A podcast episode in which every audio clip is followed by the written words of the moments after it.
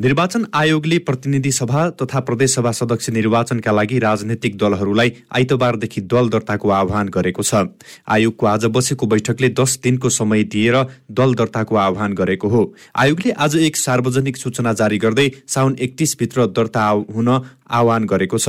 यसअघि दर्ता भएका दलहरू निर्वाचन प्रायोजनका लागि पुनः दर्ता गर्नुपर्ने हुन्छ। आयोगका अनुसार एक सय सोह्र राजनैतिक दल दर्ता भएको आयोगले जनाएको छ। आयोगले दल दर्ताको निवेदनका लागि दलको विवरण दलको केन्द्रीय प्रदेश र जिल्ला कमिटिका पदाधिकारीको विवरण र संख्या पनि वार्षिक लेखा परीक्षण प्रतिवेदन माग गरेको छ। यस्तै दुई वा त्योभन्दा बढी दलहरूले गठबन्धन गरेर एउटै निर्वाचन चिन्हबाट निर्वाचन लड्न खोजेमा त्यो सुविधा पाउने भएका छन्। सरकारले आगामी मङ्सिर चार गतेका लागि प्रतिनिधि सभा र प्रदेशसभा निर्वाचन मिति तोकेसँगै आयोगले दल दर्ताका लागि आह्वान गरेको हो। सरकारले एमाले अध्यक्ष केपी ओलीको गुप्तचरी गरेको र फोन ट्यापिङ गरेको समाचार निराधार भएको स्पष्ट पारेको छ। मन्त्री परिषदका निर्णय सार्वजनिक गर्न आज सिंहदरबारमा आयोजित पत्रकार सम्मेलनमा सरकारका प्रवक्ता ज्ञानेन्द्र बहादुर कार्कीले केही संचार माध्यममा केपी ओलीको गुप्तचरी गर्न गुप्तचर परिचालन गरेको र नागरिकको फोन ट्यापिङ गरी गोपनीयताप्रति हस्तक्षेप गरेको भन्ने समाचार निराधार भएको बताउनु भएको हो। उहाँले यस्तो भ्रममा कोही पनि नपर्न पनि अनुरोध गर्नु भएको छ। साथै प्रवक्ता कार्कीले सरकारी व्यक्तिको स्वतन्त्रता र गोपनीयताको अधिकारप्रति सचेत रहेको र यसको सम्मान तथा सम्वर्धनमा गर्न प्रतिबद्ध रहेको पनि बताउनु भएको छ।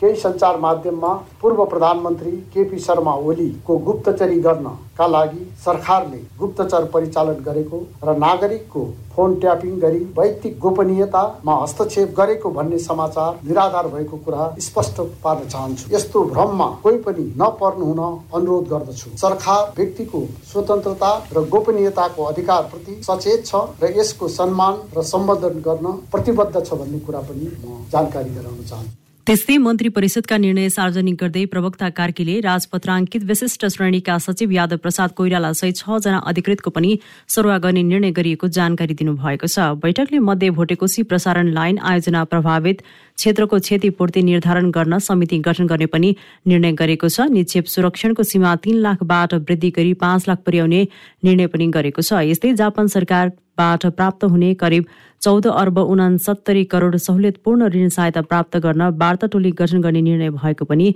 प्रवक्ता कार्कीले बताउनुभयो। विद्युत प्रसारण तथा वितरण प्रणाली सुदृढ परियोजना कार्यान्वयनका लागि जापान सरकारबाट जापानी येन पन्ध्र अरब नब्बे करोड दस लाख करिब रु चौध अर्ब उनसत्तरी करोड सहुलियतपूर्ण ऋण सहायता प्राप्त गर्न वार्ता टोली गठन गर्न। मिति दुई हजार उनासी साउन एक गतेदेखि लागू हुने गरी निक्षेप सुरक्षणको सीमा तीन लाखबाट वृद्धि गरी पाँच लाख रुपियाँ पुर्याउनु। मध्य भोटेकोसी प्रसारण लाइन आयोजना प्रभावित क्षेत्रको क्षतिपूर्ति निर्धारण गर्न समिति गठन गर्न। त्यस्तै मन्त्री परिषदले प्रदेश तथा प्रतिनिधि सभा निर्वाचन मङ्सिर चार गते गर्ने मन्त्री परिषदको सहसचिव दीपक काफ्लेलाई सचिवमा बढुवा गर्ने र लेखा परीक्षणको सेवाकीय सहसचिव बिन्दु विष्टलाई पनि सचिवमा बढुवा गर्ने पनि निर्णय गरेको छ। ताइवानको पछिल्लो घटनाक्रमप्रति गम्भीर ध्यानकर्षण भएको नेकपा माओवादी केन्द्रका अध्यक्ष पुष्पकमल दाहाल प्रचण्डले बताउनु भएको छ। आज बेलुकी जापान जाने तयारीमा रहनुभएका अध्यक्ष दाहालको भ्रमण अघि उहाँको निजी सचिवालयले वक्तव्य जारी गर्दै ताइवानको पछिल्लो घटनाक्रमबारे स्पष्ट पारेको हो। नेपाल र माओवादी पार्टी एक चीन नीतिप्रति प्रष्ट रहेको र चीनको राष्ट्रिय एकताप्रति बाधा हुने कुनै पनि गतिविधिप्रति आफूहरूको विरोध रहने पनि वक्तव्यमा बताइएको छ। अध्यक्ष दाहाल आज राति साढे दस बजे जापान प्रस्थान गर्ने उहाँको सचिवालयले जनाएको छ। नेपाली जनप्रगतिशील मञ्चको कार्यक्रममा सहभागी हुन दाहाल जापान जान लाग्नु भएको हो। प्रधान न्यायाधीश सोलेन्द्र शमशेर राणा विरुद्ध दर्ता भएको महाअभियोग प्रस्ताव छ महिनापछि अघि बढ्ने भएको छ। आइतबार बस्ने प्रतिनिधि सभाको बैठकमा प्रस्तावमाथि छलफल गर्ने गरी संसद सचिवालयले तयारी अगाडि बढाएको छ भने सत्ता गठबन्धनमा आबद्ध दलहरू बीच पनि प्रस्ताव अघि बढाउन अनौपचारिक रूपमा सहमति जुटेको छ। माओवादी केन्द्रका प्रमुख सचेतक देव प्रसाद गुरुङले आइतबारको बैठकले प्रस्तावमाथि सैद्धान्तिक छलफल गरेर छानबिन समितिमा पठाउन सक्ने जानकारी दिनुभएको हो। प्रहरी प्रधान कार्यालयले नेपाल प्रहरीका त्रिचालिसजना प्रहरी नायब परीक्षक डिएसपी सरुवा गरेको छ। प्रहरी प्रधान कार्यालयले सरुवा भएको स्थान बाटै जेठ महिनादेखिको तलब भत्ता पाउने गरी डिएसपीको सरुवा गरेको हो। पानीश्वर दरबार मार्ग बौद्ध महाराजगंज प्रहरी कार्यालय लगायतका डिएसपीहरूको सरुवा भएको छ। प्रहरी प्रधान कार्यालय कर्मचारी शाखाका अनुसार निशान्त श्रीवास्तव बानेश्वर कोपिला चुण्डाल दरबार मार्ग हरिबहादुर बस्नेत बौद्ध र अङ्गुर जीसी महाराजगंज प्रहरी वृत्तमा सरुवा भएका छन्। नेकपा एमालेका अध्यक्ष केपी शर्मा ओलीले राष्ट्रियतालाई बलियो बनाउनका लागि पनि एमालेको नेतृत्वमा सरकार बन्नुपर्ने बताउनु भएको छ। भक्तपुरमा आज पार्टीको उपत्यका विशेष प्रदेश कमिटिले आयोजना गरेको कार्यक्रमलाई सम्बोधन गर्दै अध्यक्ष ओलीले आगामी पाँच वर्ष पनि वर्तमान गठबन्धनले सरकार चलाए देश ध्वस्त हुने भन्दै राष्ट्रियतालाई बलियो बनाउनका लागि पनि एमालेको नेतृत्वमा सरकार बन्नुपर्ने बताउनु भएको हो। गठबन्धनको कुनै गन्तव्य नै नरहेको स्वार्थमा मात्र केन्द्रित भएको भन्दै उहाँले इतिहासमै अहिले जस्तो राज्य संयन्त्रको दुरूपयोग कहिले नभएको पनि जिकिर गर्नुभयो। यस्तै अध्यक्ष ओलीले न्यायपालिका व्यवस्थापिकालाई आफू अनुकूल बनाएर गठबन्धन सरकारले संवैधानिक निकायको हुर्मत लिने काम गरेको पनि आरोप लगाउनुभयो। उहाँले स्थानीय तहको निर्वाचनमा भएको क्षतिलाई अबको निर्वाचनले भरपूर गर्नुपर्ने र केन्द्रमा एमालेको बहुमत एक सरकार गठनका लागि तयारी गर्नुपर्ने पनि धारणा राख्नुभयो। ओलीले एमालेका सम्पूर्ण काम चुनावमा केन्द्रित गर्न पनि निर्देशन दिनुभयो। यही सामान्य सर्वोच्च अदालत संसद छलेको भन्ने अनि मध्यरातमा संसद सिद्ध्याएर भोलिपल्ट बिहानै अध्यादेश जारी गर्दा संसद छलेको नदेख्ने त्यो चाहिँ सन्चै योभन्दा संवैधानिक अङ्गहरूको हुर्मत के हुन्छ? प्रधान न्यायाधीशमाथि महाभियोगको प्रस्ताव छ महिनादेखि प्रस्ताव दर्ता छलफल हुँदैन अगाडि बढ्दैन न्यायालयमा हडताल हुन्छ। सबै राज्यका क्षेत्रविक्षेत्र प्रशासकहरू यसरी नाङ्गै भएको र त्यसमा केही पनि नहुने किनभने माथिको शासन चाहिँ अलिकति लाजसरम भएको भए हुन्थ्यो नि। निर्लज शासक निर्लज शासन निर्लज प्रशासन। नेताहरूले केही गरेनन् स्वतन्त्रले गर्छन् भनेर प्रचार गर्ने गरिएको भन्दै ओलीले राष्ट्र निर्माणका लागि दलीय व्यवस्थाको अपरिहार्यता विश्वव्यापी रूपमा नै पुष्टि भएको बताउनुभयो।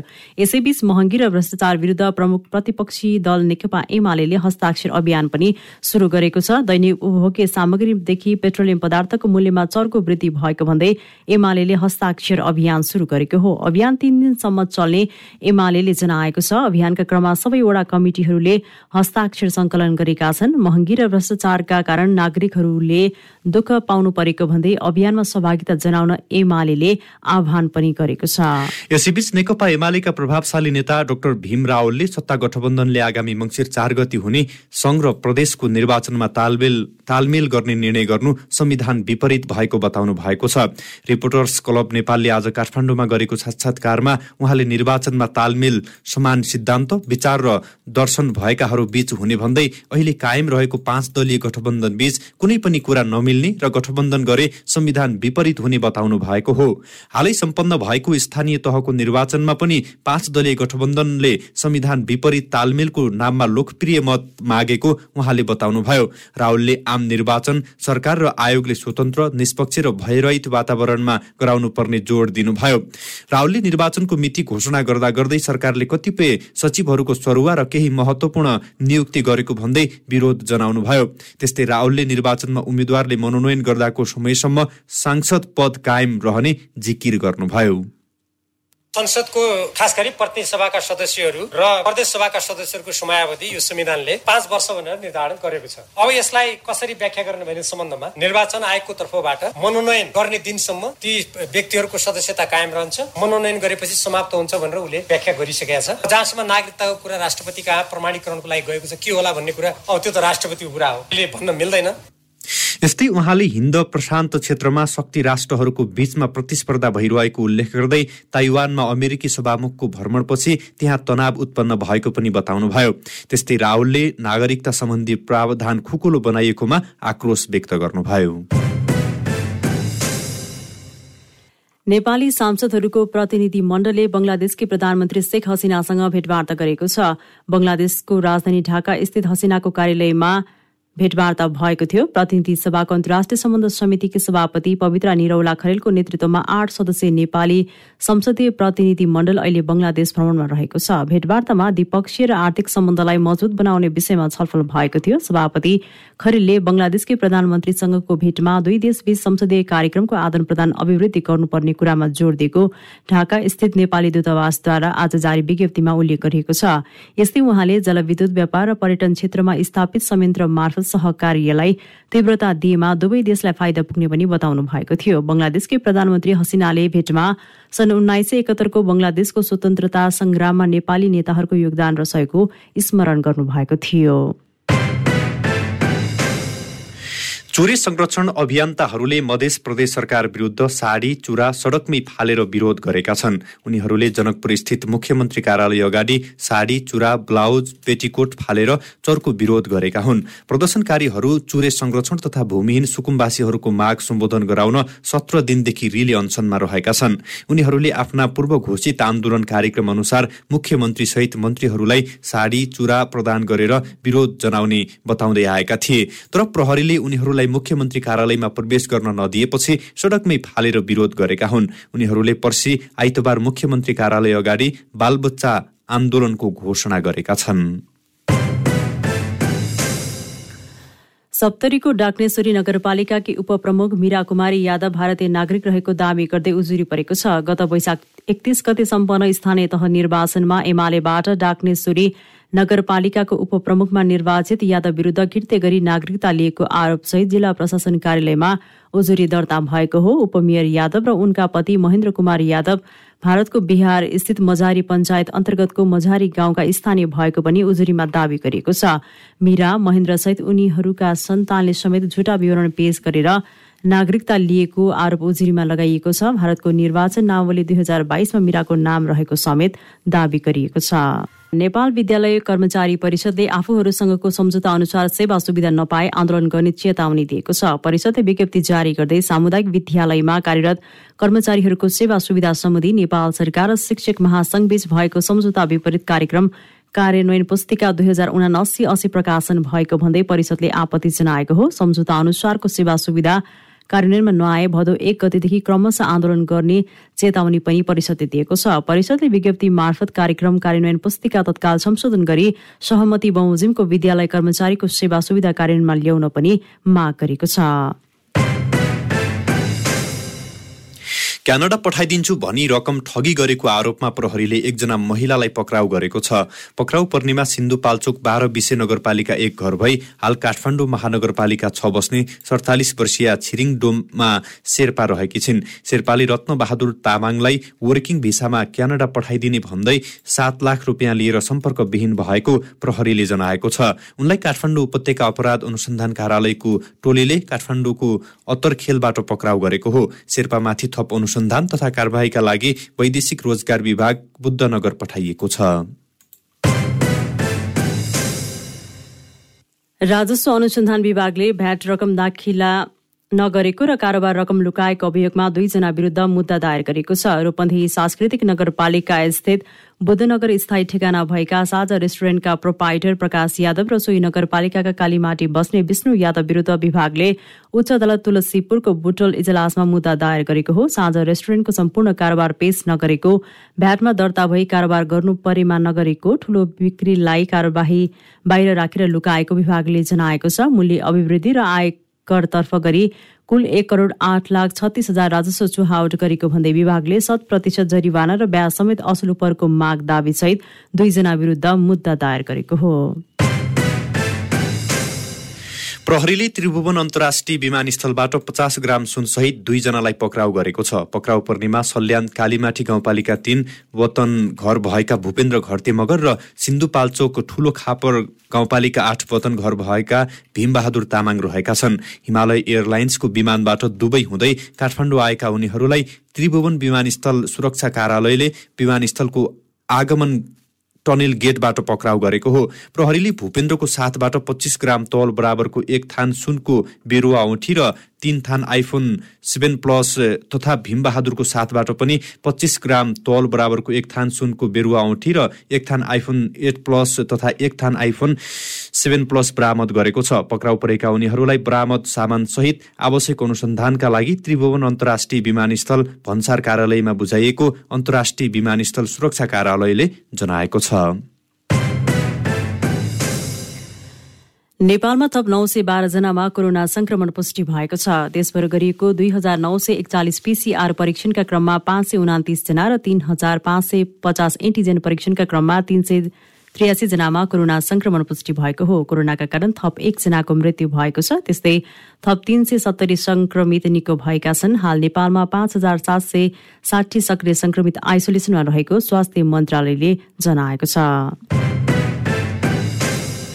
चितवनको भरतपुर महानगरपालिका छ देवनगरमा हात्तीको आक्रमणबाट एकजनाको मृत्यु भएको छ। देवनगर बस्ने एकाउन्न वर्षीय माया विकको सोही ठाउँ स्थित दक्षिणकाली सामुदायिक जंगलमा जंगली हात्तीको आक्रमणबाट आज दिउँसो मृत्यु भएको हो। साथीहरूसँग घाँस काट्न जंगलमा गएकोमा हात्तीको आक्रमणबाट उनको मृत्यु भएको हो। इलाका प्रहरी कार्यालय गीतानगरले उनको मृत्यु भएको जनाएको छ। कैलालीको मोहनयाल गाउँपालिका वडा नम्बर एकमा एक बालिकाको खुलामा मृत अवस्थामा सब फेला परेको छ। चाया भावर बस्ने सन्तोष जुल्नी मगरकी सात वर्षीय छोरी तिलसरीको आज खोलामा मृत अवस्थामा सब फेला परेको हो। गत बिहिबार दिउँसो तीन बजेको समयमा घरबाट सौतिनी आमा मुनासँग निस्केकी तिलसरीको आज बिहान बर पानी खोलामा सब फेला परेको आफन्तले जनाएका छन्। उनका बाबु सन्तोष निम्न माध्यमिक तहको लाइसेन्स परीक्षाको लागि धनगढी बस्दै आएका थिए। आमा पञ्चकला रोजगारीको सिलसिलामा भारत रहेकी छिन्। उनी हालै सौतेनी आमाको साथमा बस्दै आएको बताइएको छ भने प्रहरीले घटनाबारे थप अनुसन्धान गरिरहेको छ। अन्तर्राष्ट्रिय बजारमा आज कच्चा तेल डब्लुटीआईको मूल्य प्रति ब्यारेल उनानब्बे डलरमा झरेको छ। त्यस्तै ब्रेन्ड कच्चा तेल र मुरबान कच्चा तेलको मूल्य पनि चौरानब्बे डलर कायम भएको छ। कच्चा तेलको मूल्य पाँच महिना यताकै अन्तर्राष्ट्रिय बजारमा न्यून बिन्दुमा झरेको हो। ब्रेन्ड कच्चा तेलको मूल्य गत फागुन चौबिसमा हालसम्मकै उच्च बिन्दु एक सय चौबिस डलर पुगेको थियो। प्रति ब्यारल एक सय तीस डलरसम्म पुगेको कच्चा तेलको मूल्य दुई महिनामा झण्डै चालिस डलरले घटेको छ। कच्चा तेलको मूल्य पाँच महिना यता तीस डलर प्रति ब्यारेलमा घटेपछि यसले नेपाल जस्तो तेलको मूल्यका कारण संकट उन्मुख रहेको अर्थतन्त्रलाई राहत पुग्ने अनुमान गरिएको छ।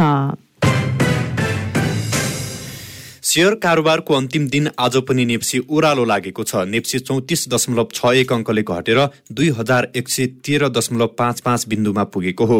मोमो आज दुई सय तेह्र कम्पनीको चौसठी लाख सोह्र हजार छ सय उन्तिस किता सेयर दुई अर्ब बैसठी करोड एकसठी लाख चौन्न हजार नौ सय अडचालिस रुपियाँमा कारोबार भएको छ।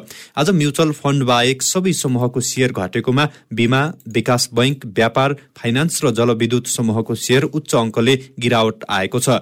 मैलुङ खोला जलविद्युत कम्पनीको सेयर सात प्रतिशत भन्दा धेरैले घटेको छ। समग्र बजार घटे पनि जोशी लग जोशी जलविद्युत कम्पनीको सेयर झण्डै छ प्रतिशतले बढेको छ। सबैभन्दा धेरै शिवम सिमेन्टको पन्ध्र करोड छैसठी लाख रुपियाँको सेयर किनबेच भएको छ। क्यान्डिड न्यूजमा अब अन्तर्राष्ट्रिय समाचार। चीनले अमेरिकी संसदकी सभामुख न्यान्सी पोलिसी र उहाँको निकटतम परिवारका सदस्य विरूद्ध प्रतिबन्ध लगाएको छ। चिनिया विदेश मन्त्रालयले सो निर्णयको घोषणा गर्दै अमेरिकी तीन शीर्ष अधिकारी मध्येकी पेलोसीले देशको चासोलाई व्यवस्था गर्दै ताइवान भ्रमण गर्न जोड़ दिएको बताएको छ। सो भ्रमणले चीनको आन्तरिक मामिलामा गम्भीर हस्तक्षेप गर्ने चीनको सार्वभौम सत्ता र क्षेत्रीय अखण्डतालाई कमजोर पार्ने एक चीन सिद्धान्तलाई कुल्चिने र ताइवान क्षेत्रमा शान्ति र स्थिरतालाई खतरा पार्ने पनि विदेश मन्त्रालयले जनाएको छ। रुसका राष्ट्रपति भ्लादिमिर पुटिन र टर्कीका राष्ट्रपति रेसेप तैएप एर्दोगान बीच आज भेटवार्ता भएको छ। रुस युक्रेन बीच जारी युद्ध रोक्ने र सिरियामा नयाँ द्वन्द्वको सम्भावित अनुमान बीच वार्ता केन्द्रित हुने बताइएको छ। एर्दोगानले ब्ल्याक सीको बाटो युक्रेनी अन्न ढुवानी पुनः सुरु गर्न गरेको मध्यस्थतामा उत्कृष्ट कूटनीतिक सफलता पाएपछि उहाँ आफ्ना अधिकांश प्रमुख मन्त्रीहरूसहित सत्र दिनपछि पुटिनसँग दोस्रो वार्ताका लागि सोची पुग्नु भएको हो। तर रुस युक्रेन युद्धका कारण तनाव जारी रहेको छ। गत महिना तेहरानमा पुटिनले एर्दोगानसँग उत्तरी सिरियामा कुर्दिस लडाकुहरू विरुद्ध टर्कीको आयोजनामा बनाएको कुनै पनि नयाँ आक्रमण रुस हेरेर नबस्ने बताउनु भएको सन्दर्भले पनि दुई नेता बीचको वार्तालाई महत्व दिने अनुमान गरिएको छ। क्यान्डिड न्यूजमा अब खेलकुदका समाचार साफ। अन्डर ट्वेन्टी च्याम्पियनसिप फुटबलको पाँदेका लागि आज फाइनल खेल हुँदैछ। भारतको भुवनेश्वर स्थित कालिङ्गा स्टेडियममा हुने फाइनलमा आयोजक राष्ट्र भारत र बंगलादेश बीच प्रतिस्पर्धा हुनेछ। भारत र बंगलादेश बीचको फाइनल खेल नेपाली समयअनुसार बेलुकी पाउने आठ बजे शुरू हुनेछ। साबिक विजेता भारत घरेलु भूमिमा उपाधि जित्ने दाउमा रहेको छ। यता बंगलादेश पनि पहिलो पटक उपाधि उचाल्ने योजनामा रहेको छ।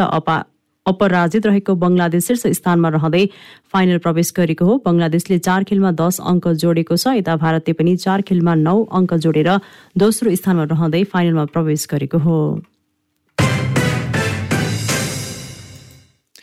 इङ्ल्यान्डको शीर्ष डिभिजनको football English Premier League I P L आजबाट सुरु हुँदैछ। नेपाली समय अनुसार आज राति पाउने एक बजे क्रिस्टल प्यालेसको सेरलहुर्ट पार्क रङ्गशालामा क्रिस्टल प्यालेस र आर्सनल बीच खेल भएसँगै एकतिसौँ सिजन सुरु हुन लागेको हो। यो सिजनको पहिलो खेल यी दुई टिम बीच हुँदा दोस्रो खेल भने शनिबार साँझ सोवा सात बजेबाट सुरु हुनेछ। दोस्रो खेलमा लिभरपुलले फुल हामको मैदानमा घरेलु टिम विरुद्ध खेल्नेछ।